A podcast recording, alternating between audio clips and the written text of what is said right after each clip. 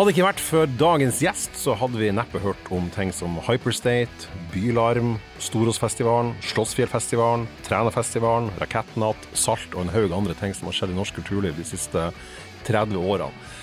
Han som person har ikke vært så fremme i bildet på alle disse tingene, men han er en av de viktigste bakgrunnsfigurene og innovatørene innenfor norsk kulturliv på alle disse årene. Og han har en haug av historie og opplevelser å bidra med fra det norske kulturliv, og ikke minst den norske musikkbransjen. Erlend Mogård Larsen er dagens gjest, og det er et navn som har vært lenge på blokka, og som jeg gleder meg noe jævlig til å stille en haug med spørsmål. Det tror jeg blir dritkult.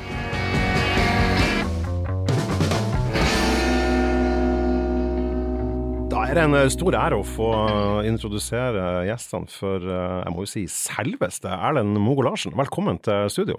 Ja, tusen takk.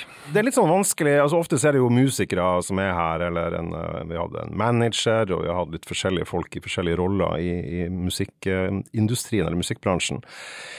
Når det kommer til deg, Erlend, så er det litt sånn vanskelig å gi deg en hatt, eller henge det du holder på med på en knagg, men du har vært liksom alt fra, fra, fra forhenværende musiker, og du, har vært, og du er prosjektleder og gründer og arrangør og velgjører, og har jo vimsa innenfor kulturlivet så lenge jeg har kjent deg, i hvert fall så lenge jeg visste hvem du har vært, i hvert fall som de siste 30 årene ca. Når folk spør hva du holder på med, hva sier du, hva sier du om deg sjøl da? Nei, det er vel egentlig litt sånn uh, entreprenør innenfor uh, kultur. Og ja, ja musikk, kultur. Entreprenør. Jeg syns ja. det hørtes så voksent ut òg. Ja. En tittel i hvert fall. ja, ja, ja, ja, absolutt. Men jeg har lyst til å skru tida helt tilbake til, til, til barndommen først, for å lage en liten sånn guttepjokken Erlend, hva han, hva han holder på med. Du er helgelending. Kan du fortelle litt om, bare litt om bakgrunnen din? Nei, altså, jeg vokste opp på, på Nesna. Mm. Eh, og egentlig et sånn fantastisk sted å få lov til å, å, å vokse opp på. Mm. Eh, Lærerhøgskole Eh, det var masse som skjedde. Jeg har jo en far som, som alltid også har vært en sånn primus motor i forhold til kultur og samla, samla på Vågevise og dratt rundt og teipa gamle damer og herrer som, som måtte kunne ting som, som ville gått i glemmeboka. Jeg har gitt ut mange gitarbøker. Ja, han har tatt vare på og tatt opp? Ja, ja, ja. ja. ja da. Oh, så, så, så, jeg vokste jo opp også med deg og på en måte fikk være med han rundt omkring og, og forsto liksom veldig tidlig hvor viktig det er å ta vare på en kultur, eller hvor, hvor viktig kultur er for mm. vårt liv. Og det er jo det som, som på mange måter binder oss sammen mm. som, som mennesker. Den første liksom ordentlige konserten jeg arrangerte, det var vel seks eller syv år. Du, du var arrangør og seks-sju år? Ja, ja. Det var, det var i gartneriet på Nesna. Det ja, var fantastisk. sammen med en uh, jevnaldring som heter Putte. Ja. Uh, og da, da, både arrangerte vi og spilte vi sjøl, da. Og vi hadde to billeter, altså billetterende publikum.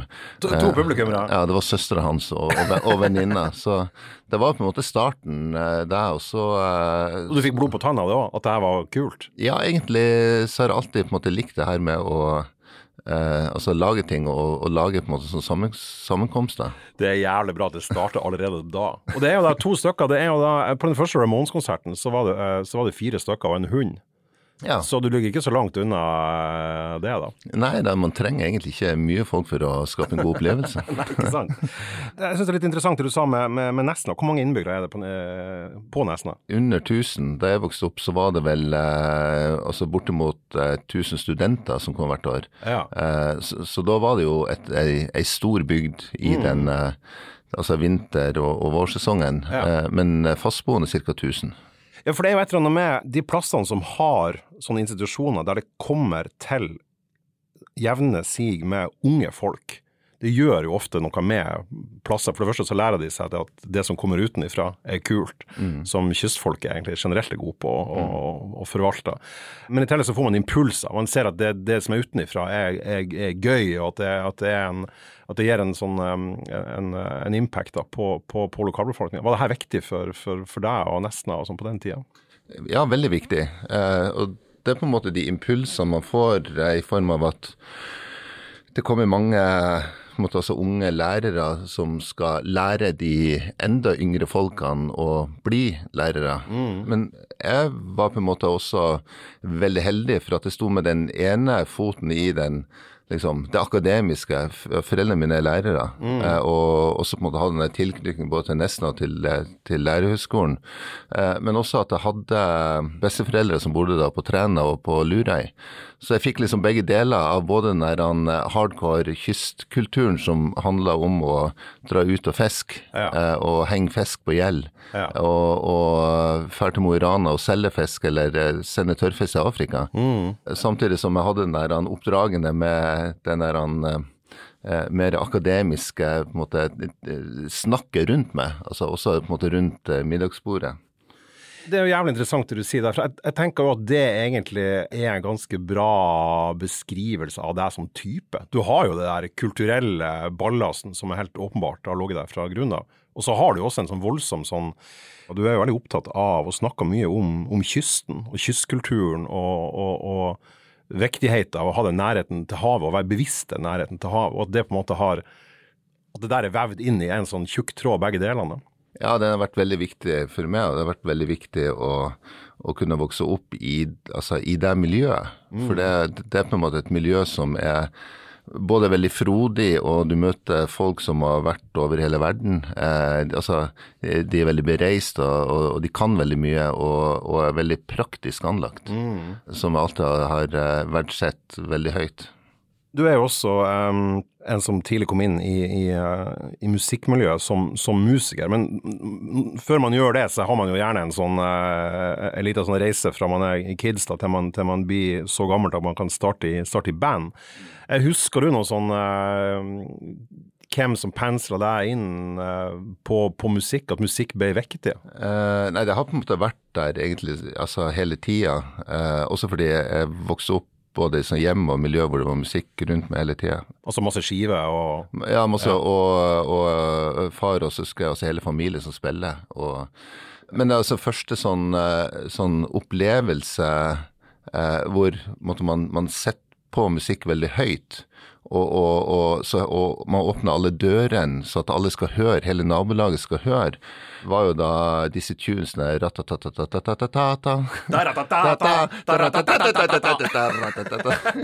Det er jævlig morsomt! Jeg var så glad for at du nevnte disse tunes. For jeg, tror man, jeg tror man må være, må være født eh, før 1980. Men er man født før 1980 så vet man mye om disse Tunes. De var jo liksom en sånn underholdningsensemble for uinnvidde da, som, som hadde NRK som sin boltreplass, og som starta på, på slutten av 60-tallet med da eh, Yngvar Numme da, og han Tor Erik Gunnstrøm var de mest kjente. Og så hadde de også mye kjente sånn gjestefolk som Ivar Medås og Grete Kausland og Benny Borg, som etter hvert var veldig mye med. Og de var faen meg på TV hele tida. Ja, ja. Det var jo det var et, det var et lite musikkmiljø da. Ja, det kan man, det kan man trygt si. Og jeg sjekka da, de har jo faen meg gitt ut eh, sånn over 20 skiver. Oh, ja. Og når du begynte å synge på Ratatatatata, så, så ga de ut i 1971 så ga de ut plata Ratatatata, og så ga de i 1973 ut mere ratatata. Og, og senere på året 1973 så ga de ut, de ut den aller siste ratatata. Det er jeg var helt, helt nydelig. Og da sitter altså guttepjokken eh, Erlend Mogo Larsen på, eh, på, Nesna, i Nesna, på Nesna, på Nesna, på Nesna ja. Og, og, og, hører deg på ratatatatata. Så det er på en måte en sånn låt som er veldig sånn insisterende. Ja, eh, ja. Og, og, jævla mye lim i seg! Ja, ja, ja. Og forlater den- jo aldri hodet ditt. Nei, da, og den traff, den traff, eh, den traff meg eh, hardt.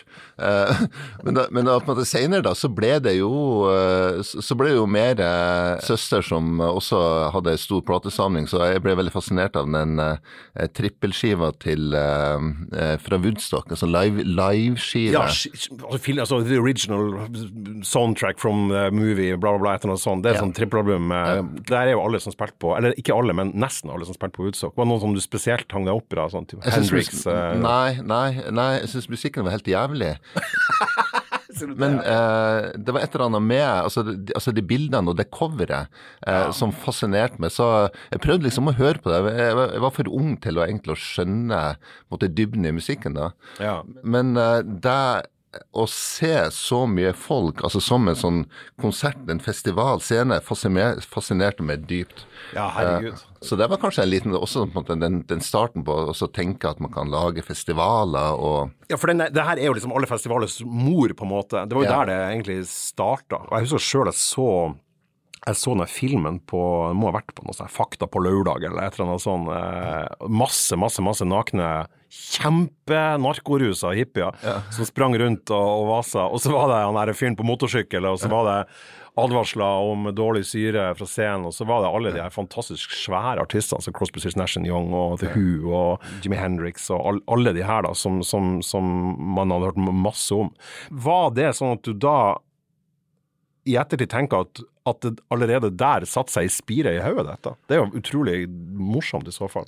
På en, Ja, ja, ja, helt definitivt. Altså på en måte fascinasjon av, eh, av eh, på en måte platecover, og altså selv om at eh, jeg vet ikke hvor gammel jeg kunne være, da, 9-10-11 år, altså, men, men man er for ung til egentlig å på en måte skjønne musikken, eh, altså, og, og den dybne musikken. Men det å se at, at det går an å, å få til noe annet enn en det man gjør hver dag, å sitte og spise middag og gå på skolen, det, det syns jeg var, var gøy.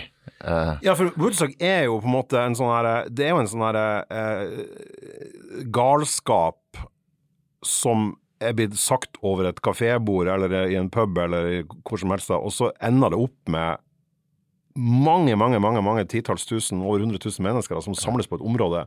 og Man henter inn de største artistene som var tilgjengelige, og ingenting er på en måte ordentlig gjennomtenkt før det bare er i gang. Det er jo ikke helt sånn fjernt fra en del av de tingene du har holdt på med sjøl, da. Nei, altså ting blir jo ofte til uh, mens man går, det har jeg. Du sa jo også da at, at, at platesamlinga til, til søstera di Hva er aldersforskjellen deres? Uh, Det er elleve år.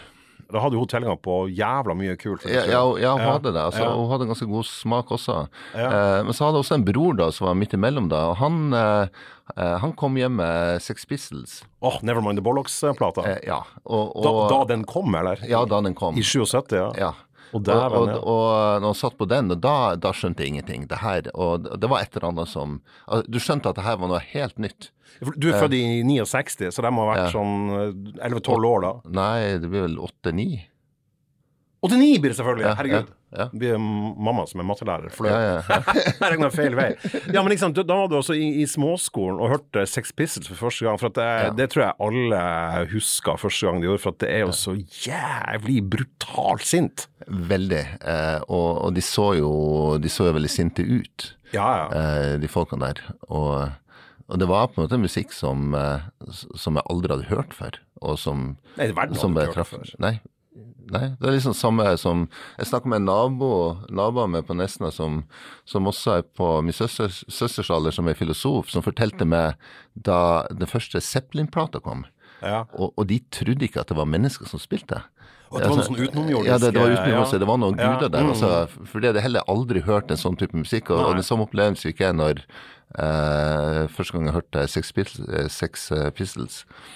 I alle sånne kåringer, Tines album, så er den alltid veldig veldig høyt opp um, av, av naturlige grunner. Og, og, og my, mye av det er jo selvfølgelig av, at- av at den kom og på en måte røska opp i rocken, som da var litt sånn fetert og overspist, og det var blitt trippelalbum, og det var blitt jævla mye narko, og sånn, en litt sånn livstrøtt, eh, overspist eh, rock, da, med veldig digre arrangement, og alle har blitt sinnssykt gode spill, og dritlange gitarsolo og alt sånt.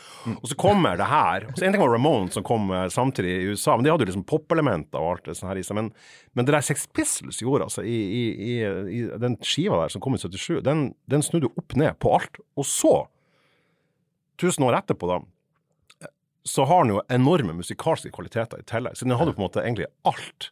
Så det å på en måte vært, det, at, du var, at du er tidsvitne til det så ung, det er jo utrolig kult, da. Jeg er glad for. Du nevnte Zeppelin også. Ja, det var kanskje den sånn største musikalske oppvåkninga. Det var um, en, eh, også en venn, uh, venn av meg som heter Jon Petter Pettersen, som var kanskje tre-fire år eldre, Ja. eh, og utrolig musikkinteressert. Han brukte å dra til og sitte og høre på skiva og høre på hans fortellinger om de forskjellige bandene. Fantastisk. Gull verdt. Ja, det, det, og de kveldene, eh, altså endeløse kveldene vi hadde, det, det er bare noe som altså, det er så viktig altså når man er 14-15 år og veldig ung og, og på en måte mottakelig for Og svamp. Og svamp, ja. Definitivt. Og det var sånne kvelder hvor vi, hvor vi satt og hørte på musikk og pratet om musikk. Han, han teipa sånne C90-kassetter. Ja, det var jo det, for, for de som er unge, da. Det var jo, det var jo særlig to formater. Det var C60, og så var det C90. Og C90 var de lengste kassettene. Det var plass til jævla mye. Bass. Men de bruk, ja, bass. ja. Men de brukte litt, eh, litt mer batteri når du skulle spole dem enn enn de C60-ene, for de var to- tungere å dra hjulet, da. Men eh, Ja, vi hadde strøm på Nesna da, Ja, så jeg vet sant, ikke hvor det var på Rognan eller Rognan? er fra Fauske. Nei, men jeg, men jeg tenker på det her med at, det her med at um, Uh, altså det her var jo det man i dag kaller for mixtapes. Det var jo det det var. Man fikk jo bare tatt opp det man uh, likte hos gjerne folk som var to-tre år eldre, eller, eller enda mer. Og så satt man og hadde egentlig samleplate med, med det, det, spilleliste, som vi har i dag, da, på Spotify. Bare sånn sirlig utplukka av fra et litt mindre utvalg, da. Ja. Var det spesiell Zeppelin-skive som, som, som var sånn endevendende for, Ja, altså, han, han teipa da det The Song Remains the Same, som er en sånn liveskive, da. Ja, live fra 76. Eller opptaket er vel fra 73, tror jeg. Ja, det er ikke helt sikkert. konserter, og- så, ja. ja. Jeg husker jeg tok med den kassetten hjem. Så kom jeg hjem på kvelden, og så satt den, satt den på, uh, på stereoen og, og hørte på den helt alene. Og uh, det var bare en sånn en, en opplevelse av å da endelig på en måte forstå, forstå dybden i musikk. Uh, altså hva det, hva det kan gjøre med, med det og hele sjela. Fra den dagen så, så hørte jeg ikke på Deep Purple lenger. Oh, ja, det ble Altså, det gubbete, liksom. Ja, altså det Ja. ble bare, det ble bare lettvekt der. Altså det var på en måte å dykke ned i altså mer ned i Led Zeppelin, som var den den virkelig store musikalske oppvåkninga. Men det her er jo da et band eh, på en måte at their peak, da, som var altså så sinnssykt gode å spille, og som hadde ingen svake ledd, eh, og der alle var dritgode. Vokalist, bassist, trommis og gitarist, alle var helt sånn sjukt gode. Eh, og som holdt på med en sånn uh, de, var, altså, de var på en måte litt sånn Maradona innenfor uh, rock, da. Den kom i 76, altså omtrent samtidig som Nevermind the Bollocks, så du må jo ha hatt en helt sjuk oppvåkningsperiode der på, på Nesna. Ja, ja, ja, men akkurat Zeppelin kom jo altså, Den oppvåkninga kom jo mye seinere.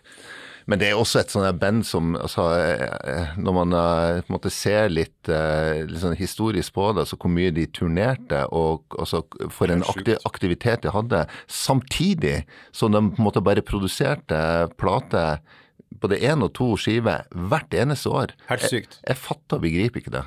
Jeg snakka om det her i flere av de andre podkastepisodene med som band som, som Led Zeppelin, og som for så vidt The Purple Law, og The Beatles og Alice Cooper og Black Sabbath. Og de dundra ut. sånn, Det ei skive hver niende måned omtrent. Ja. Hei, og, og klassikere.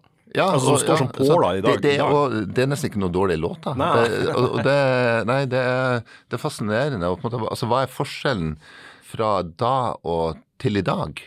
Eh, når man da på en måte får all verdens teknologi, og, uh, og man skulle tro at måte, ting blir lettere. altså Det, det virker jo ikke sånn. Eller så så er det bare rett og slett at de folkene der, det er bare full match. Jeg tror nok den kommer av, av flere ting. Jeg tror det, det ene aspektet er det du sier sist der. At uh, altså noen, uh, noen ting skjer bare hvert uh, tusen år eller noe sånt. Og Beatles og Zeppelin er vel et godt eksempel på, på nettopp det. Eh, Sex Pistols som treffer tidsånden akkurat der og da, og satt sammen av en gæren manager, og så bare klaffa det. Men samtidig så slapp de jo å sitte på mm, Instagram og poste bilder fra turneen sin. De kunne på en måte konst, kons på, på å ruse og lage musikk og spille live, da. Litt lettere. Du starta jo etter hvert opp eh, band sjøl. Hadde du da dratt til eh, Mosjøen på gymnaset, husker jeg rett da? Jeg flyttet fra Nesna og startet på musikklinje i, i Mosjøen. Ja, nettopp, ja. Eh, ja, og det var jo også, det var også stort. Altså, og, og på en måte da Og kom dit. Ja, kom Ja. Mm. til Mosjøen. Altså fra Nesna, som var bitte lite, til Mosjøen, som, som da eh, var mye større. Men altså, byen er jo ikke så veldig stor, men eh, det er jo det møtet med kollegaer og folk som også holder på med musikk, og Tenk likens. som tenker likens, og som øver mye, og som er fokusert. Som, Og søkende sikkert òg, da. ja, ja. Eh, og det var en jævlig bra gjeng. Eh, den klassen jeg gikk i også var utrolig ambisiøs. Masse ambisiøse folk, og, og veldig mye folk som holder på med musikk den dag i dag. Og så, ganske sånn godt sammensveisa. Husker vi hadde han eh, klasseforstanderen, han, han telte opp alle, altså hvor mye fravær vi kunne ha uten å på en måte miste, liksom, ikke få artium. Så han gikk, gikk gjennom liksom alle elevene. Ok, eh, Yngve, du er faktisk nødt til å være på alle timene nå for å, for å, for å stå. Ja, for han ville at det skulle gå, skulle gå bra, liksom? Han ville at det skulle gå Ja, bra. Men uh, det var jo også fordi at, eh, at eh, folk var veldig mye ute og spilte på, og på turneer og spilte i helgen. Ja, nettopp. og ja. Så det ble sånn fruktbart miljø. Folk var Ja. behekta på, på musikken. Hekta på musikk, rett og slett. Fantastisk. Så der traff jeg også denne gjengen som også skulle på en måte være med å forme livet mitt videre. Det var da Øyvind Grande som gikk i klassen min der, og så tok han meg med til Sandnessjøen. Og så traff jeg Torje og Kenneth. Eh, Tore Ylvisaker var med. Tore Ylvisaker Ja. spiller jo også i Ulver og sant, nå, da. ja. Eh, den Som er et kritikerrost, eh, superanerkjent band langt, langt utenfor Norges sine grenser. ja, ja. Ja. Og da ble det jo Ræva Rockers. Eh, Og da er årstallet hardcore punk. 1980. Nei, det må være i 1987 eller noe sånt. 7 eller 8. 86, 7, 8, ja. Ja, for det, den, det, det bandnavnet er jo vanskelig å tenke på uten å tenke på et annet band som heter noe som begynner på R og slutter på Rockers. som, som i 1987 da hadde gitt ut hva det blir, tre plater, da, altså Raga Rockers. ja. Eh, Så litt inspirert av det. Hørte dere på dem, da? Vet du, Det var ikke jeg som fant på det navnet. Som regel så bruker jeg å finne på mye navn da, men ikke akkurat det navnet. Eh, antageligvis så ville jeg tro at det var en link der til, til, til Rager er ganske slapp da. Ja, vi fikk i hvert fall eh, passe påskrevet når vi kom til eh, Oslo og spilte på Blitz. Det måtte være i 88. Eh, første gang jeg liksom bevegde oss uh, utafor uh, Sandnessjøen. Da var det eh, stopp i Trondheim og spille på Uffa-huset, og så Ja. rett ned til Blitz. Eh, og så sto han uh, gitaristen i Raga Rockers uh, Hvem han Tore Berg? Nei, det var ikke Tore, det var Nils Aune? Yes, Ja. Nils Aune. Det var det de to, da. Jeg tar to. Så etter, etter konserten, konserten vår så kom han fram til scenekanten, og så, så sier han bare 'Alla gutta'. Og så sa han 'Heia, ja ja'. Eh, dere kan eh, godt komme tilbake til Oslo og men eh, kall dere for eh, Sandnessjøen, Mo i Rana, Mosjøen, jeg vet da faen. men ikke Rævarockers. Rockers. Å, han likte, han likte det ikke! Å, Han herregud, da må han jo i hvert fall ikke bytte på det. Han var dritsur. Så jævla pretensiøst. Ja, ja, ja. Det er jo helt fantastisk. Ja, for Ræva Rockers var jo um, et band som ikke holdt på så lenge, men uh, den singelen der, den står i sånn her 500 spenn i dag, hvis du skal få ta og kjøpe den på Discord. Ga vi ut noe singel? Ja, ja, dere ga ut en singel. det? Ja, ja. Ja, Ga ja, ja. Husker ikke 80-tallet, det skal jeg si. Ja, det var vel EP. Ja, ja, det er bra. Men, men, eh, men har du den sjøl? Nei. Nei, ikke sant. Det er sånn typisk for den tida der. Man har det ikke sjøl engang. Derfor jeg tror det er veldig mange som ikke har den, og så har det bare blitt ettertrakta. Er sånn eh, Men det her var jo da forløperen til, til et band som, som eh, eh, gjorde litt mer ut av seg, eh, som heter Jungle Medics. Ja. Og det var de samme folkene. Ja, samme folkene. Og, Ja. og da kom også Tore, Tore Ylvisaker med for fullt på Ja. tagenter og sampling osv. Ja. Og det var et band som ganske fort gjorde seg bemerka. Altså, jeg husker Jungle Medics veldig godt. Det er vel sånn tidlig 90-tall. Eh, Så jeg var jo blitt myndig og flytta hjemmefra. Så når jeg var i Oslo på konserten, så så jeg sånn her eh, Jeg så Jungle Medics var liksom spraya på sånne sjablonger rundt omkring i Oslo. Det var sånn Jeg hadde inntrykk av at dere var jævla mye større enn dere var. Det var et band som gjorde mye ut av seg, virka det som. Og dere var jo ganske driftige i, i den perioden dere eksisterte òg. Ja. Eh, Vi fikk en sånn kommentar fra en journalist i, i Kapital eh, en gang. Det, det er en del år etterpå som sa at eh, hadde, hadde Hitler eh, sett de guttene her, så eh, hadde Goebbels kommet til å blitt eh, misunnelig. Av propagandanivået. Yes. At det var litt sånn Lene Riefenstahl-nivå på innenfor rocken. da. Ja, nei, vi var jævlig gode på det. Vi var det. Ja. Jeg leser intervjuet med deg der, eh, der du fortalte at dere var jo, at dere også dro da på den, eh, det som i dag eh, fortsatt omtales som den såkalte Blitzruta. Eh, hva var Blitzruta? Og så bare for å starte med, altså Blitz, hva Blitz har gjort ved hele musikkbransjen er virkelig undervurdert. altså. Virkelig. Ja, fordi det, det, det. på en måte å ha, altså å på en måte la altså kan si et sånt begrep som det frie feltet, men la oss bruke det begrepet. Eh, steder som, som får lov til å bare utvikle seg og får måtte lage de nye eh, nettverkene, og som ikke er en del av det etablerte, er så utrolig viktig. For å lære, for å komme seg ut og for å forstå verden. Og, og Blitzruta var jo en del i det nettverket som fantes i Europa med alternative måte, spillesteder og klubber. Mm. Både som eh, Polen og Danmark og Tyskland og Frankrike og Spania og altså rundt forbi.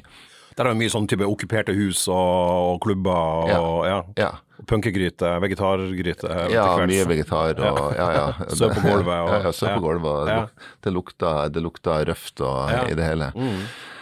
Nei, så, så var det jo på en måte, altså Det var vel sånn uh, so much hate og, og Stengte dører. Og, stengte dører og, Life to live, life, minst. Ja. Life to live som på en måte bana vei for mange av de bandene. Vi kom jo veldig sånn rett etter liksom i det samme kjølvannet som Life to live it, og sammen med Motorpsycho. Mm. Husker vi turnerte samtidig som Motorpsycho, så vi brukte å, å, å, skrive sånn hilsen på veggene backstage. Da, sånn, til hverandre? Ja, til hverandre. Det var sånn. det er sikkert sånn snail, snail-mail-versjon av, eh, av uh, Facebook. For det her er jo skikkelig sånn eh, DIY, at man gjorde det sjøl, og, og, og, at det var et, et nettverk der som var forårsaka av nettopp en sånn at man gjorde det sjøl. Mm. Ungdom gjorde det sjøl. Det var liksom ikke noen, det var ikke noe uh, kulturråd eller noe sånt som på en måte hadde, hadde, hadde ordna opp i det. Jeg leste en gang at dere fikk tallene på en sånn budrunde. Dere skulle turnere masse i Polen, og sånn 17 jobber. og Jeg trodde det var sånn sinnssyke summer dere hadde gjort det store, liksom. Ja. Dere trodde dere fått opp oppgitt pengesummene i kroner, og så var det i sånn, ja, slåti eller noe sånt. Og så var det liksom ikke Jeg tror det var sånn 50 kroner per, per gig. Ja, det var kanskje ikke så mye heller. Så var det, ikke, så, ikke så mye!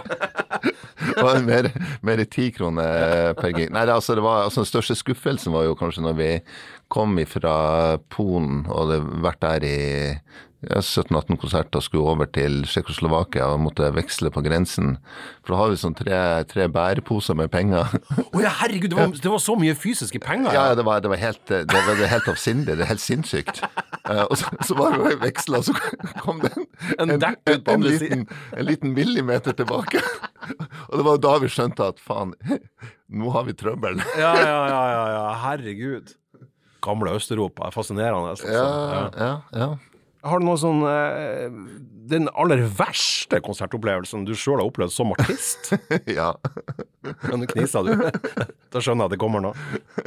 Nei, altså det var eh, etter den der, eh, den der Blitzruta som vi har snakket om, da så var vi på vei tilbake til Oslo. Hadde siste spillejobb i Göteborg på en sånn der en festival da, som hadde vart i, i fire dager. og vi var liksom siste acten som skulle på. Skulle siste band på på siste dag? Ja, ja. på lørdagskveld.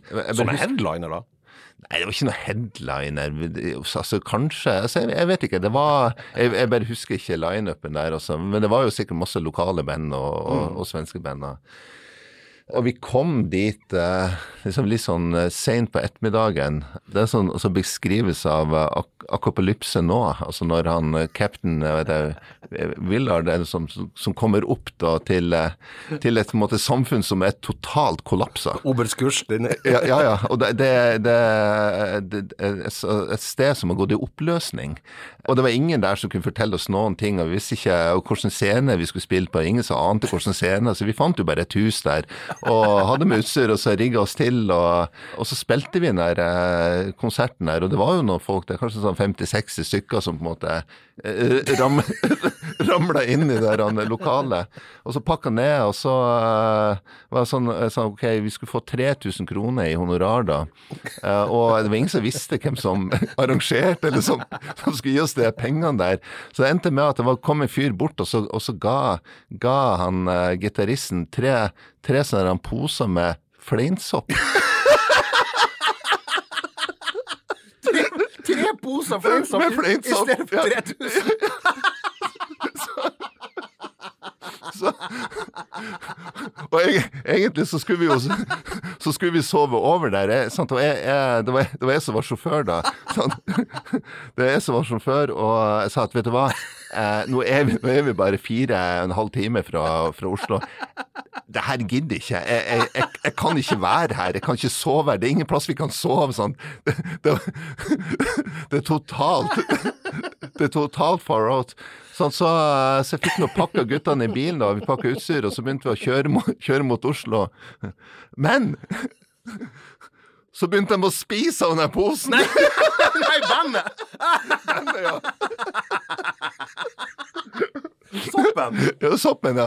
Oh, lord. Og det er den, altså Og du sitter der og, og skal liksom konsentrere deg om å kjøre, og så har du en Du var sjåfør? Jeg var sjåfør, ja. Så har du en hel gjeng som, som begynner å, å liksom komme kom opp på sånn her Sånn fleinsoppbrus.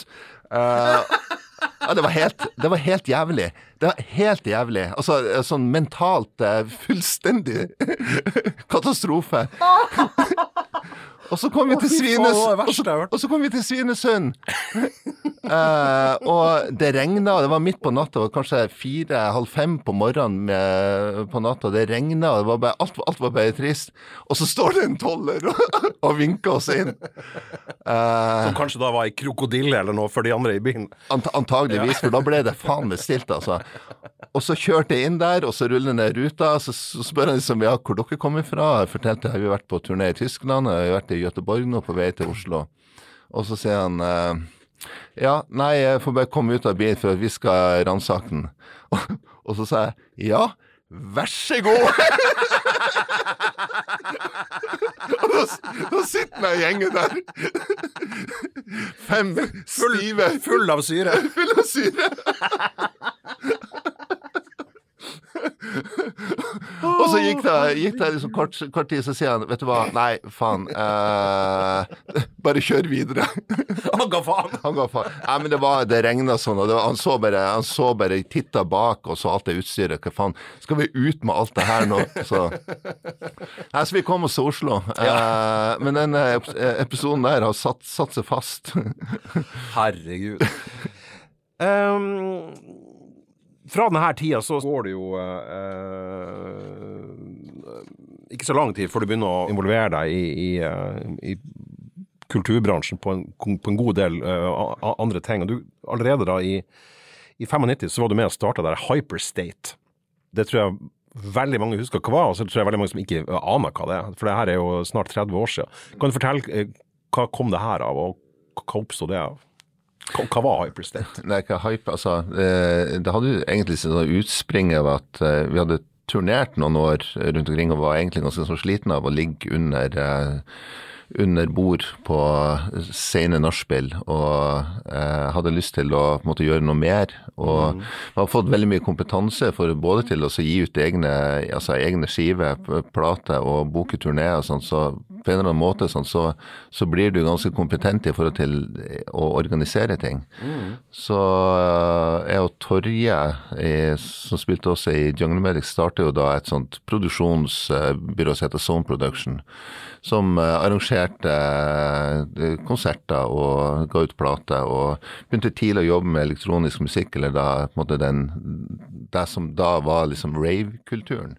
Ja, for det her var jo tidlig. Altså, det her var på Det var 90, ja, 91, ja. ja. Mm. Og altså, Jungle Medics var jo også inspirert av på en måte, Det var en sånn, sånt band som var en hybrid av veldig mange forskjellige sjangere. Altså egentlig alt, veldig. ja, alt ble inspirert av. Det var jo house og eh, hiphop, eh, hardcore, eh, syrete reggae. Sånn, så alt på en måte var bare putta i ei bøtte og bare miksa. Og så kan man jo på en måte etter, etterkant, etterkant se om måte, resultatet ble liksom så jævlig bra. Jeg, jeg hørte på plata nå for et års tid siden, og, og det var ting der som jeg tenker faen, hvorfor i helvete ga vi ut det her? Altså, det. Du, du var trommis, du?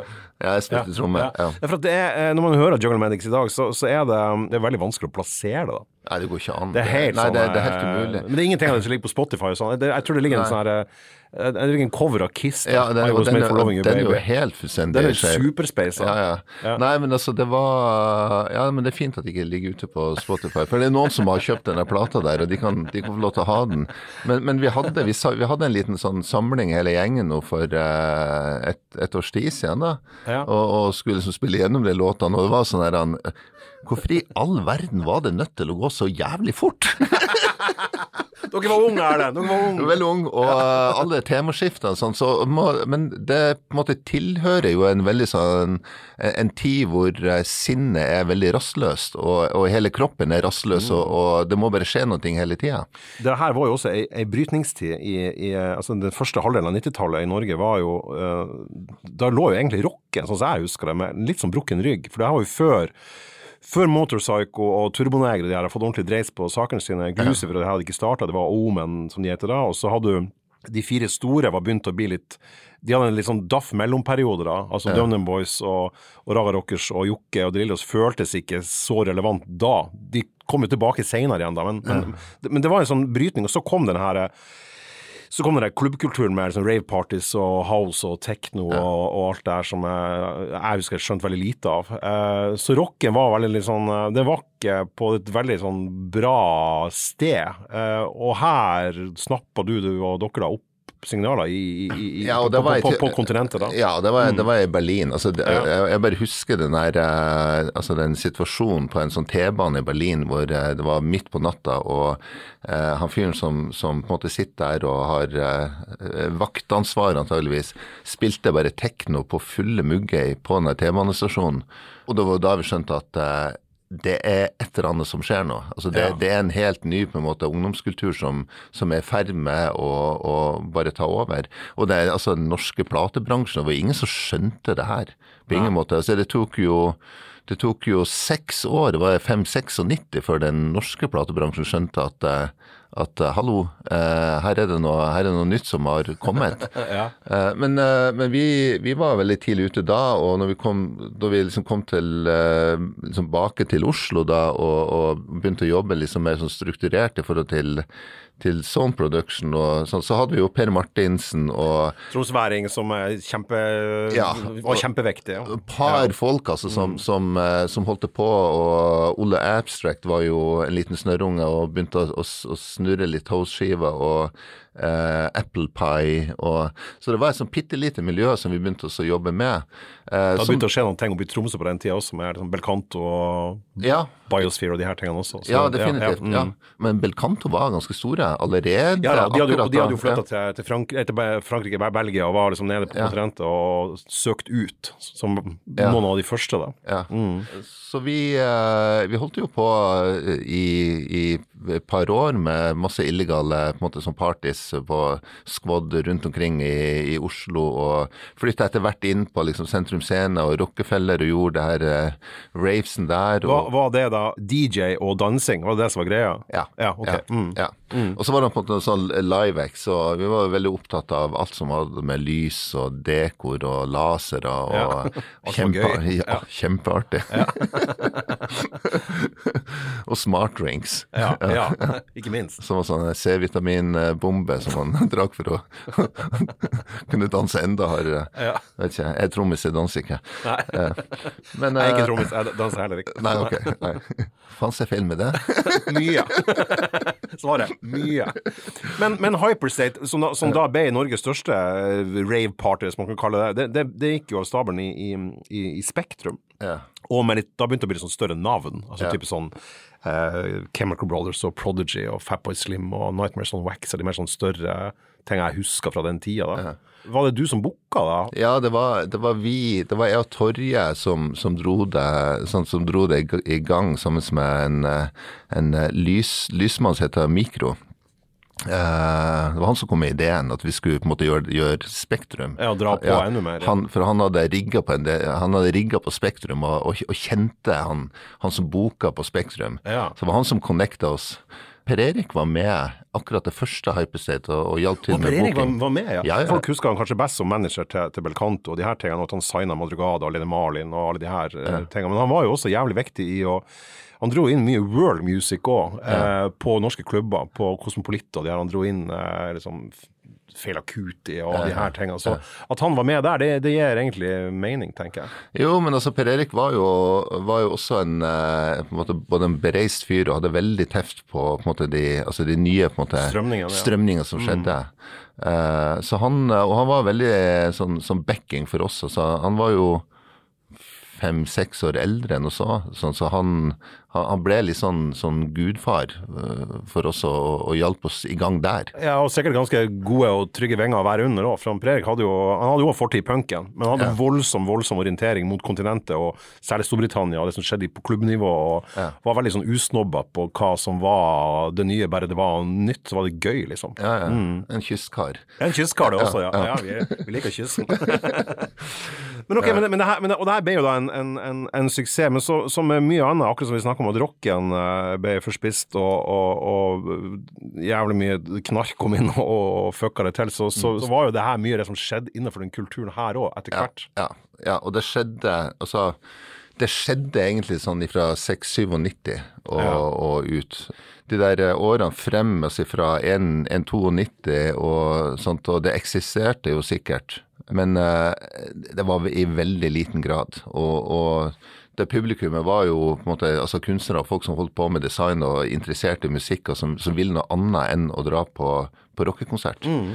Men så, så, kom det en sånn dreining der, og jeg tror nok også at media hadde en, en stor skyld med å på en måte forherlige det her dopekulturen. Mm. Altså det ble på en måte det her skandaleoverskriftene. At det ble litt sånn selvoppfyllende på en måte? da? Ja, det gjør jo det. Ja. Og alt som er farlig altså Man skulle tro, altså når man ser i, altså, i Lyngen nå, sant? det går sneras, og det, det, gjort, det, gjør det hvert år. Og, og folk dør i det snerasene. Men det virker som at, at for, for, for, hver person som dør, så kommer det to til. altså alle på en måte, det, det drar på seg mm. eh, en sånn der oppmerksomhet som ikke nødvendigvis er bra, men som er ganske negativ. Mm. På et eller annet tidspunkt der så var det ikke noe gøy å holde på lenger. Altså, da kom alle de her eh, folkene fra treningssentrene og sto med bare overkropp og pumpa i seg speed og, og dansa. Det var sånn sånn, var, det, var, det, derfor vi starta med det her? Ja. Med det her. Mm -hmm. Da bare kutta vi, og så solgte vi Hyperstate og, og gikk videre. Ja. Allerede i, i, i, 1998 så, så sta, var jo du med og starta eh, i lag med noen venner eh, noe som skulle bli utrolig eh, viktig for, for norsk eh, platebransje, hvis man kan bruke et så um, loslitt ord. Men, men, men, i hvert fall så, så var, gikk det første Bylarm av stabelen i 19, 1998. Og det husker jeg selv. Jeg var ikke på det første, men jeg husker at det var litt sånn jøss, bransjetreff.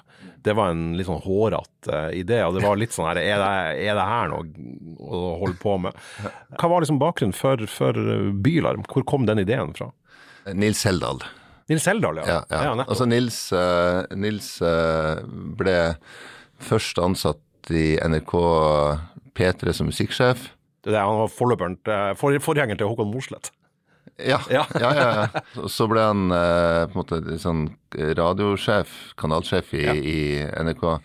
Men, men, Nils var alltid også veldig tidlig ute eh, med å, å, teipe ting og dra, sendere bussene til Kvartfestivalen og til, også til Hyperstate. Og, og, og, og veldig opptatt av å dokumentere der, altså det som skjedde nå, mm. eh, og den uh, ungdomskulturen.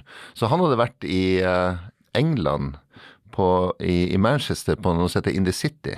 Ja. Anthony William, det heter Tony Williams, arrangerte. Det er han mm. som uh, signa New Order og Joy Division og de her. Joy Division, ja, nettopp, ja. ja. Manchester, selvfølgelig. Så kom han til, uh, bak til Oslo, så hadde vi Ja, Tony Wilson er Factory, for faen. Ja, ja, Factory, Factory Records. Ja, ja, nå, ja. nå henger jeg med. Ja. Og ble inspirert av at, at altså, vi må få altså, måte, bransjen til å møtes for å få noe mer ut av måte, hele musikklivet i Norge. Vi har jævlig mye bra band mm. i det landet men det kommer ikke ut. Nei.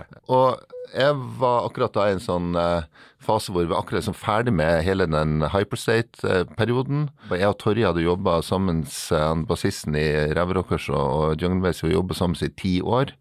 Veldig intens, veldig mye og veldig lange dager. Og hadde på en måte liksom behov for å også gjøre noe annet.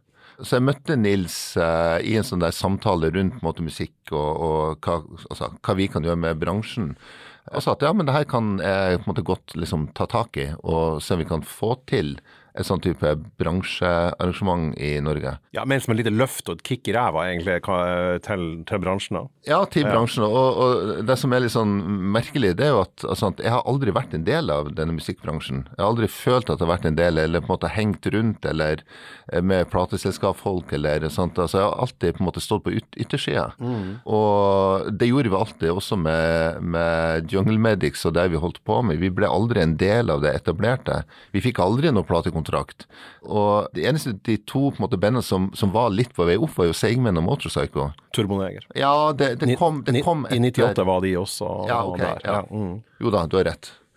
Så ideen da var på en måte å få da den der eh, både media og, og plate og managere og, og bookingfolk til å samles og høre på ny, altså nytt norsk talent. Ja. Mm. Som, som lå som på en måte bakteppet for hele, hele Bylarm. Og også få flytta alt ut av Oslo. Litt sånn, sånn, litt sånn patetisk Oslo-bransje. Det var veldig vesentlig. For det var jo neste år var det i Stavanger, og året etter var det i Bergen, og i 2001 kom det til, kom det til Tromsø. Og jeg, jeg husker jeg var jo på de her eh, Jeg drev med booking sjøl, altså det var jo byene ble plutselig jævlig viktig å dra på. Ja. Ikke nødvendigvis for å se band du skulle booke, men for å treffe folk som booka andre band som du kanskje ville booke. Og det kom jo folk fra Danmark og Tyskland og Nederland og England. Og jeg, jeg fikk masse kontakter og masse, masse ut av det der, da. Og det som jeg syns var så kult, det var jo at, at dere dro det ut av hovedstaden. For da kommer de litt mer sånn eh, baktunge eh, mellomlederne og, og sjefene i platebransjen. De ble røska ut av hovedstaden, bort fra familie, bort fra kontorene sine, og ble tvungen ut på byen eh, mer. Og det tror jeg bransjen hadde jævlig godt av på den tida der, for det var, den var blitt lat. Ja, og så var det en veldig liten bransje. Det var jo egentlig, altså Hele den der platebransjen besto jo bare av, av noen folk som hang rundt på smuget. Altså en liten sånn klubb Ja. her i Oslo.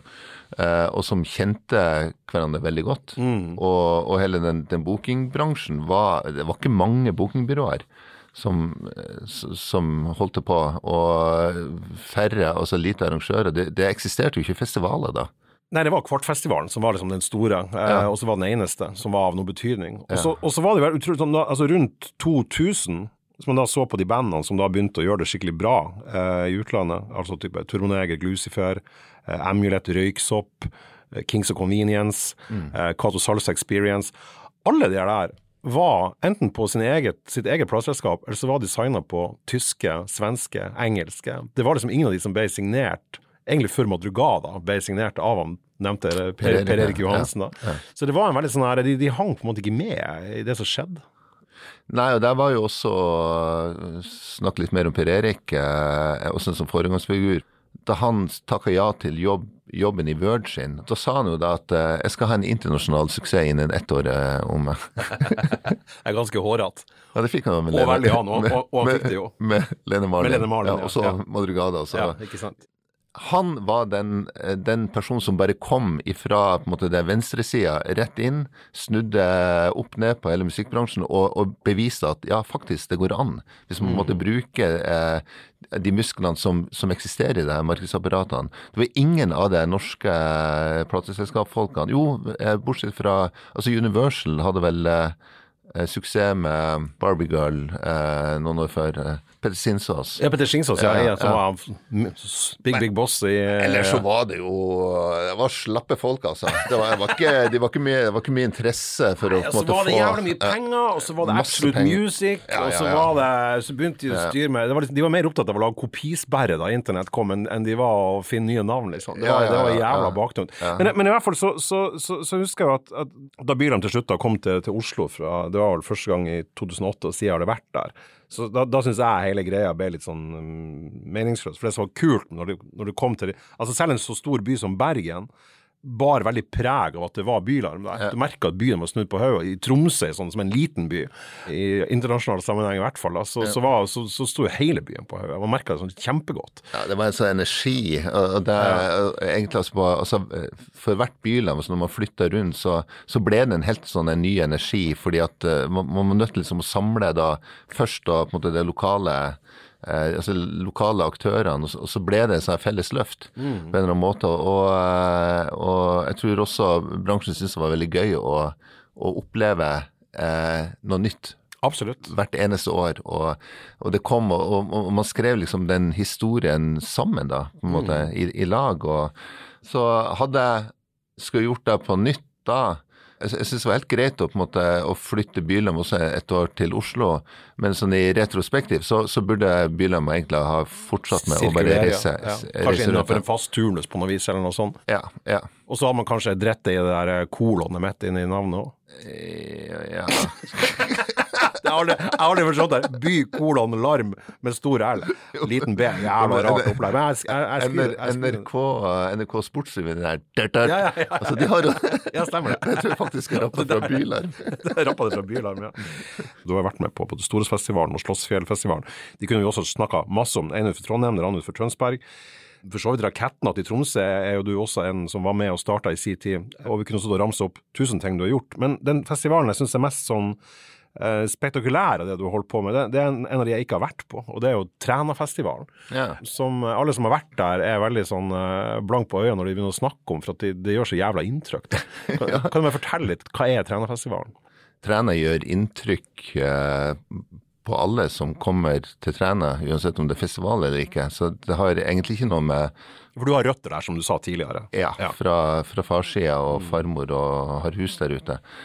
Nei, det er jo bare veldig spesielt å komme ut til et sted som du føler er eldgammelt. Det er naturen, og det er den stemninga som ligger der. Og det, er- det er også at du er så langt ute i havet at du føler ikke at du er connecta til Norge engang. Så du må ha båt for å komme deg dit. Ja, det ligger jo et par tre, 30-33 nautiske mil ute i havet. Altså det er jo i, kilometer det er jo seks, seks og en halv mil. Ja, Altså det er langt. Det er, det er langt, og, og når du kommer ut dit, så kan du kjenne litt på den der den sånn omvendt klaustrofobi, altså. Ja. Men det er fint. Og når man kobler da også på en måte musikk, som også kan, kan være ekstremt sånn sterkt, sånn, eh, sånn at du, du treffer noen nerver inni deg sjøl som du ikke visste at du hadde. Når du virkelig på en måte hører liksom god musikk, og, og spesielt livemusikk, kombinert med at du har de omgivelsene rundt deg, så, så skjønner jeg at eh, mange kan på en måte bli blanke i øynene. Men det som er så ærlig med det her, da, for å bruke navnet ditt som et adjektiv Det som er så ærlig med det, at eh, alle skjønner jo at eh, ei øy ute i havgapet som, som trener, det er jo egentlig et, det er et fiskevær da, som, som, som har vært der i uminnelige tider. Da. Grunnen til at det er hus der, grunnen til at du har forforeldre der, er jo for at det er fisk der. Ja. Så alle skjønner jo at det er spektakulært i seg sjøl, og alle skjønner at det ligger langt unna, og at det er veldig annerledes. Men jeg tror det er de aller færreste som ville tenkt men her må vi lage en festival! Det er en kjempeidé.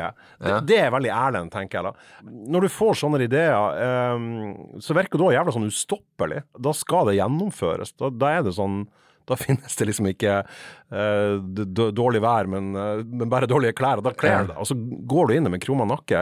Hvilken mekanisme i det er det som For jeg vet ikke hva så, hvorfor, og det er jo mange ganger jeg skulle ønske at jeg ikke hadde det òg, altså. For det jo Det har på en måte dratt meg inn i situasjoner som, eh, som jeg gjerne skulle vært uh, unnt å ikke vært i. Men akkurat trena var Det var også en sånn følelse som, som, som, ble, som satt i kroppen da vi var, jeg var 13-14 år.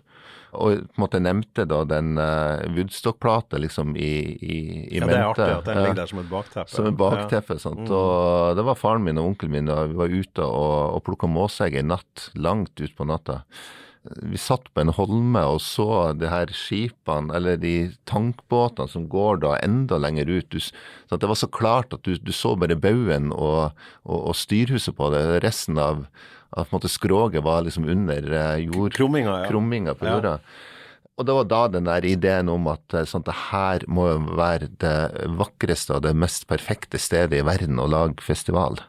Vakreste, ja. Perfekt. Kanskje ikke det første adjektivet jeg ville tenkt på, men, Nei, men jeg, skjønner, jeg skjønner hva du mener. Ja, ja, og, sant, Hvis vi får det her til å funke. Ja, og det, er sant, og, Hvis man da tenker på en måte den der Ok, Woodstock som er på en måte langt ut på et, et eller annet jorde, men det, det er noe med at det er noe energi der sånn, som gjør at det kan bli magisk. Det var den koblinga jeg hadde da, men så skulle det jo på en måte gå nesten 20 år da fra det faktisk med en realitet. Jeg måtte ut i verden først, og jeg måtte få kontakt, jeg måtte lære, og så komme tilbake og overtok huset etter farmor. Og så kjeder jeg meg eh, etter et par somre med liksom maling og sånt. Så det var sånn den kom i gang, og i samarbeid med Sverre Hyttan og eh, Anja Antonsen og, og lokale folk på Træna, så vi måtte lagde det der i lag. Ja, for det, var, det skjønte jeg på at det var, det var et veldig sånn uh, team som sto, bak Ja. der, og der lokalbefolkninga også ble veldig involvert, og såpass, i såpass stor grad at flere av dem eh, fikk jo det her som, som et levebrød. Akkurat som folk i Roskilde på en måte lever i store deler av året lever de på det som skjer når det er festival. Ja. Var det også en slags idé at du skulle bringe noe tilbake til det samfunnet du hadde røtter til og brydde deg om? Da? Det var ikke det viktigste egentlig å på en måte bringe noe tilbake. Det, det, altså, å eksisterer fint uten meg, eh, og Ja. det har det gjort i 9000 år. Men, men, eh, men, men det å, å, å få en sånn boost, og, og også gjennom en festival en sånn økonomi som, som gjør at eh, butikken plutselig ser at ok, nå, nå er vi på opptur, nå kan vi pusse opp butikken, nå kan vi bygge den litt ut, og så kan vi gjøre sånn og sånn. Og, og det her er jo en forening, sant? det er jo ikke noe aksjeselskap, det er ikke noe eh, Live Nation som putter penger, pengene i egne lommer. Det her, det her driftes av, av, eh, av hjertet av gull. sånn, og, og eh, man har råd til å kjøpe nye eh, brygger til båtforeninger, og eh, altså festivalen har gitt tilbake 6-7 millioner kroner til sånne typer prosjekter etter altså siden starten. Det er en liten festival. Og, og, er- og der har du jo dratt ut internasjonale artister og, og store norske artister. Du blant annet jeg ser ei festivalscene inne i fjellet der som er også sånn her som som omtalt i The Guardian og sånn som det mest eller noe av det mest spektakulære som er på, på, på livefronten. Jeg tenker det, det er tusen folk som tenker på å gjøre sånne ting, men du gjør det. Akkurat som du da Det var Bylarm i Stavanger i 2005. det Fem. Fem, da du Ja. dro Kaizers Orkestra på Prekestolen Ja, det var i februar. i februar! Og det var jævlig dårlig Og det var elendig vær. Det var en- Tidlig på dagen. Det var en jævla dårlig idé. Ja, det var en, ja, det var en idiotisk idé. og, og det ringte det helikopteret og sa vet du hva, vi kan ikke fly nå, så eh, vi må avlyse sånn, det er så dårlig vær. Nei, så, men vent nå litt, det kommer til å lysne opp. Så de klarte nå å få flydd opp det utstyret, og når vi har liksom fått hele den gjengen med engelske journalister opp dit med de pub-til-pub-skoene sine og sånt, det var jo så glatt og kaldt, og de alle gikk jo opp til Preikestolen. Og akkurat når Kaizers gikk på og skulle begynne å spille, så bare åpna himmelen seg opp, og det ble helt fantastisk. Og det er bildene som ble sendt uh, på uh, TV ut i Europa, var helt fantastisk spektakulære. Altså. Du må ha flaks. Altså, Ja. Du må ha litt flaks. Altså, uten flaks så, uh, så går det bare ikke. Nei, for man kan jo ha uflaks. Ja, ja, du, har, du har jo tryna også, eh, så man, man, man, må prøve, for, og man må, man må, Ja. det må være risiko i systemet. Da. Oh yes. Mm. Vi kommer aldri utenom det, det obligatoriske her, eh, om hvilken plate du vil ta med deg på Øde øy. Den ene har vi snakka om, så den trenger vi på en måte ikke å gå inn på på nytt. En Song Remains the Same, som du da nevnte, den Led Zeppelin-skiva. En annen skive som jeg tror ingen andre kommer til å nevne i denne podkastserien, uansett hvor mange tusen episoder jeg lager, og det syns jeg er litt kult valg, for det var overraskende. Eh, Det er en skive som heter Welcome to the Pleasure Dome. Den kom i 1984. Det er vel et dobbeltalbum òg, hvis jeg husker rett. Ja.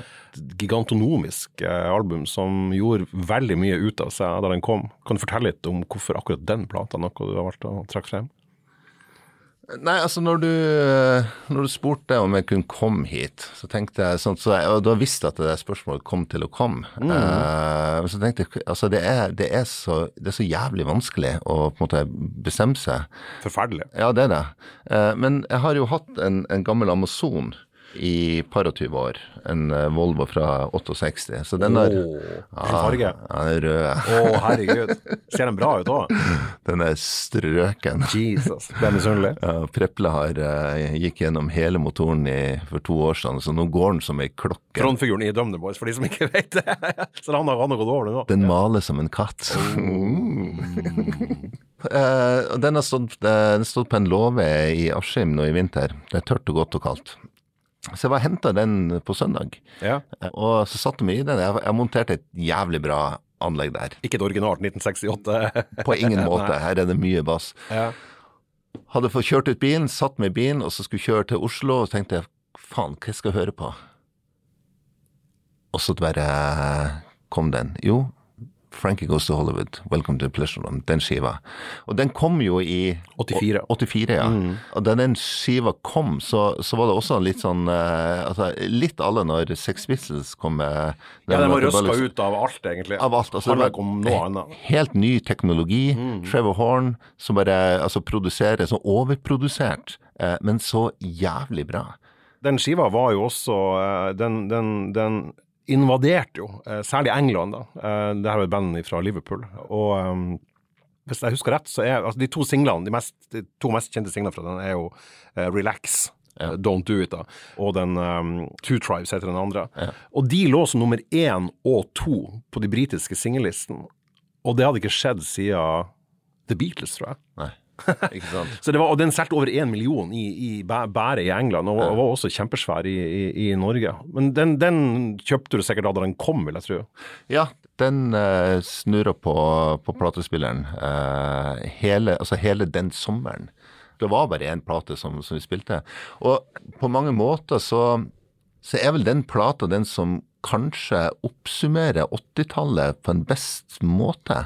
Ja, for det er jævla hedonistisk. Det er liksom, Ja. det er drøy, veldig mye, de spekulerte veldig mye i sadosex og, Ja. og, og hedonisme og overdådighet og nakne damer og Svært, svær lyd. Og, ja, og tusen folk på scenen og en egen danser og jævla ko-ko, egentlig, hele, hele greia. Overprodusert. Ja. ja, overprodusert. Og det var på en måte hele 80-tallet. Altså, og du, du fikk jo alle de puddelrockbandene som også var overproduserte. Men, men i etterkant, så når man skal høre på den musikken, der, så, tenker man faen, det her er pinlig, altså. For det er, det er ferdig slapt. Det er kjempeslapt. Og vi trodde jo at det var, at det var masse potens i det. Men det var jo bare, Snakk for deg sjøl, jeg syns det var jævlig da. det var jo bare potens i, i håret. I håret, ja. I, i løftet i håret. Puddelhåret. Kreptanga. Det er et opptak som jeg har sett ifra, jeg tror det er fra tysk eller nederlandsk TV eller noe sånt, uh, som er hei, helt nydelig, med Frankie Goes to Hollywood, eh, Hollywood, der de spiller Relax. Jeg tror det er i 84. Og midt i låten så kommer uh, Lemmy i Motorhead okay. inn på scenen, Uh, ikke med bass, men med en sånn Fender Telecaster, Ja. og står og tullespiller gitar i lag med Frankie Goes to Hollywood. En kommer man egentlig ikke, og så blir han mye mer opptatt av de kvinnelige danserne som bare står i stay-ups og ikke har noe med noe å gjøre. Men, men, men det er et helt sånn her eh, nydelig stykke 80-tall. det er bare en s- Og det sier også etter om at Frankie Goes to Hollywood hadde de hadde på en eller annen slags rar måte noe sånn kred i, systemet, og at Lemmy dukka opp der. Det, det er helt sånn utenkelig i dag at noe sånt skal skje, men at- det skjedde der, det er så Jeg skal legge ut det klippet eh, i Tromsø, det er helt fantastisk. Ja, ja. ja, ja, ja. Nei, altså hvorfor de hadde en sånn type kred? Altså, det, altså kanskje rett og slett fordi det var jævlig bra. Altså, Ja, og veldig dan dansbart, må man også si. Ja, dansbart, men, men også, også smart gjort. Altfor smart. Ja, og så hadde jo, de hadde Relax som jo, og Two Tribes, som var de to veldig dansbare låtene. Så hadde de også en uh, The Power of Love også, som var liksom balladen. Som var en sånn her powerballade som, som eh, Det er mange barn som ble unnfanga til, til den, vil jeg tro, ja, på, den- ja. På, på, på, på, på den tida. Og så er det så jævlig artig med det bandet der òg, for at det gikk jo bare to år, så ga de ut oppfølgeren, som da heter Liverpool. Ja. Det tror jeg er et av de mest sånne brutale sånn, altså En av de mest brutale frontkollisjonene i sånn mislykka oppfølger. Den solgte ingenting. Nei. Altså som i ingenting. Og det var ingen hits, og, den, og så var bandet over, så var alt over. Ja. Så det er liksom den ene plata som er et dobbeltalbum, som står igjen som, er liksom en sånn her, som en sånn her eh, Som et sånn monument da, fra, fra en veldig spesifikk tid. Da. Ja, og så er det jo interessant eh, Jeg hørte jo han Trevor Horn, han var jo på Bylarm. Vi inviterte han til Bylarm i eh, 2015 eller 2016. Og hvor han også på en måte snakka litt om på en måte det med å på en måte produsere denne plata. som jeg tror ikke at han hadde en veldig viktig rolle. Altså de var jo ikke noe, altså de Musikerne i det bandet var jo ikke noe sånn spesielt uh, genier på, på sine instrumenter. Nei, det var, liksom, det var jo Holly Johnson som sang, og så resten vet jeg, jeg ikke noe, han noe av de hang andre vel litt, eh, sikkert litt sånn rundt, så, så det må ha på en måte vært noe sånn her han, eh, sånne prosesser og sånne idéutvekslinger der som, som var, har vært veldig interessante og på en måte, og kunne vært måte vitne til. altså Hvordan i all verden klarer du å, å skape et sånt uh, mesterverk? altså.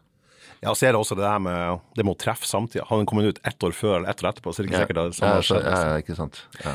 Jeg spurte også om, eh, om eh, det mest minneverdige du har sett live, og da kom du opp med to, to konserter fra, fra Roskilde-festivalen. Ja. Roskilde er jo også et slags sånn forbilde, lov å si det, på, på festivalfronten Ja, Roskilde. Roskilde er, er verdens beste festival. Altså, har- det, har du vært der mange ganger? Ja, har vært der mange ganger. Og Roskilde har prega meg som menneske. Og første gang jeg reiste ned kanskje som 17-åring og, bare kom, kom ned dit Helt fantastisk. Ja, det var helt eh, det, sånn jeg forsto ikke at det gikk an. Kom til et sted hvor folk ikke slo hverandre ned. Og det, altså, så mye folk og ikke noe slåssing. Altså når du, når du er vokst opp på, på, ute i øyene på Helgeland, så vet du hva det handler om når det, når det er fest og moro. da ender det jo med rundball og, og blått øye, altså. Ja, ja. Nei, det, det jeg, Roskilde, jeg hadde akkurat samme sjøl. Jeg var der ti ganger. Det var bare, det var sånn, det måtte man på hvert jævla år. Ja, ja. Dannelse. Dannelse. Men den, den ene konserten du nevner, er et band som et band, Det var vel en slags hiphop-duo slash band som heter Disposable Heroes of Hypocrisy. Mm. Du sa det var 91, men jeg tror det må ha vært i 93. For jeg, jeg, jeg, jeg var der, de, Debutplata deres tror jeg kom i 92. Ja, okay, ja. uh, sånn at uh, den konserten må, må, da nesten ha vært i 93. Men uh, hva, hva, var det som gjorde så inntrykk med dem? Altså I den der, det mylderet av sjangre som var eh, sånn tidlig 90-tall, hvor du på en måte både hadde housen var kommet, og hiphopen, og altså rap, og, og, og den der sammensmeltinga som på en måte begynte å skje da. Altså Chili Peppers og, og Fate No More og, og masse andre band. Jeg har aldri hørt så veldig mye på, på Disposable Heroes of Hypocrisy, men da jeg var på den konserten, så bare var det et eller annet som eksploderte. Og bare stå der, og, og plutselig så, så, er du bare ti meter lenger til venstre. Ja. Og i neste sekund så er du 14 meter lenger til høyre. Det var en sånn bevegelse inn i massen som var helt utrolig. Ja, og så var jo Roskilde òg jævlig god på å ikke stivne i noe sånn mønster, at de, at de i en, i en, form at det skulle være, være bære rock eller bære pop. eller de, de, de snappa hele tida opp de nye trendene ja. før alle de andre. Ja. Uh, så liksom at det var hiphop uh, der, det, det, var bare helt naturlig. Uh, så tidlig som det da faktisk var, i hvert fall i Skandinavia. da. Ja. God booking og, og, og så bare god stemning. Og den følelsen av å på en måte være i en sånn crowd, sånn virkelig på alvor med 2000-3000 mennesker og frem og tilbake. Det, altså, det skjer ikke i dag lenger. Nå er det sånne crash gates, sånne gjerder som, som hindrer det. Ja. Stor opplevelse.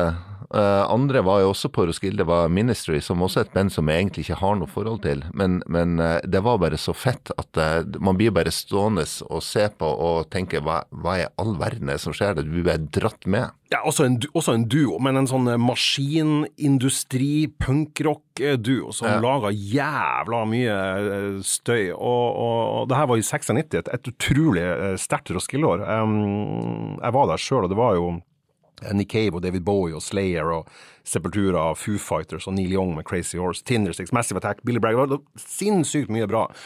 Eh, Sex Pistols var en av headlinerne, og de spilte på den store oransje scenen. Ja. Jeg har sett, men de spilte ikke hele konserten? Nei, de spilte Nei. tre låter. Ja, og så gikk jeg av. Ja. Fyr som kastet, det var en fyr som kasta glassflaske på dem, og så fikk de, de fikk ikke lov av arrangørene. Alle tror at det var Pistols som gikk av scenen, de, de fikk ikke lov av sikkerhetsgrunner.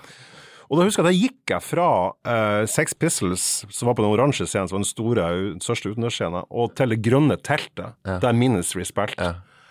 Og så var det sånn, OK, det er det her som er punk. Ja, ja. det er ikke de her gamle suringene som står og klager og kjefter på Husker han Johnny Rotten ropte sånn her Why don't you go home and fuck yourself in your own asshole? Nei, jeg ikke ser oss som Ministry, den samme konserten som du var på. Og det var så jævla brutalt, altså. Ja, ja. Og så har jo Ministry, det skal jo sies han Al Jørgensen, han frontfiguren, han, han fikk jo store, store problemer med, med heroin. Og så uh, hadde han um, streit han seg opp, og så kom det med comeback-albumet Dark Side of the Spoon.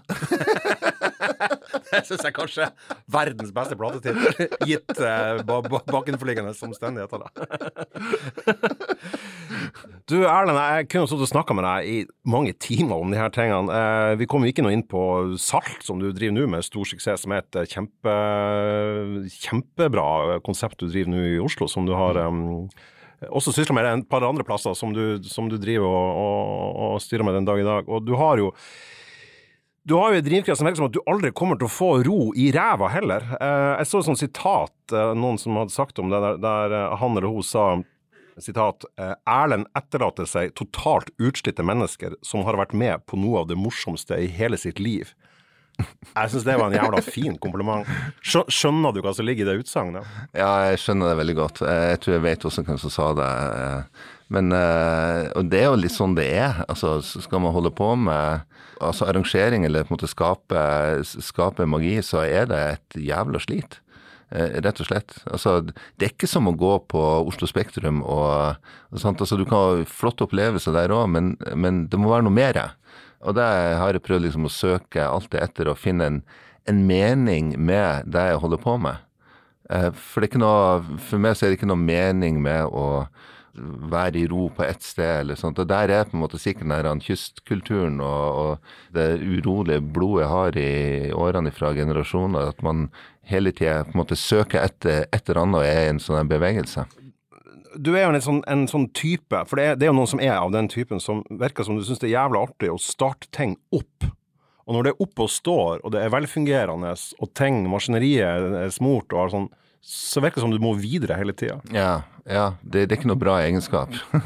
det kommer jo mye ut av det, da. Ja, det kommer masse ut av det. Mm. Og, og, men, det og, men, igjen, altså, det, det, kan jo også være slitsomt for en del folk som er liksom rundt. og, sånn. Men vi har hatt det jævlig mye gøy da, altså, opp gjennom årene. Og det, jeg tror også at, eh, at eh, veldig mange av de folkene som har vært med på mange av de prosjektene, som har, som, som har vært eh, liksom liksom ganske langt ut på kanten. Jeg sitter igjen etterpå og bare tenker faen, det her var gøy. Det her var, det her var på en måte et, et, minne for livet.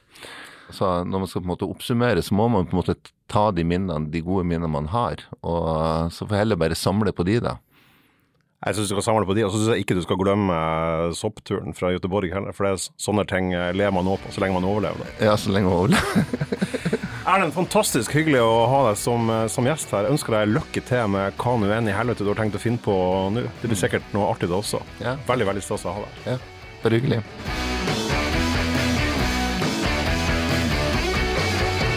Feedback er en podkastserie fra avisa i Tromsø. Produsenten for sendinga var han Svein Lian, og jeg heter Egon Holstad. Husk også at vi lager spilleliste der all musikken som nevnes i sendingene, legges til. Og de finner du på hjemmesiden til Tromsø i feedback-seksjonen, der du også finner anmeldelser av plater, anmeldelser av konserter, samt intervjuer, liste og masse annet aktuelt musikkstoff.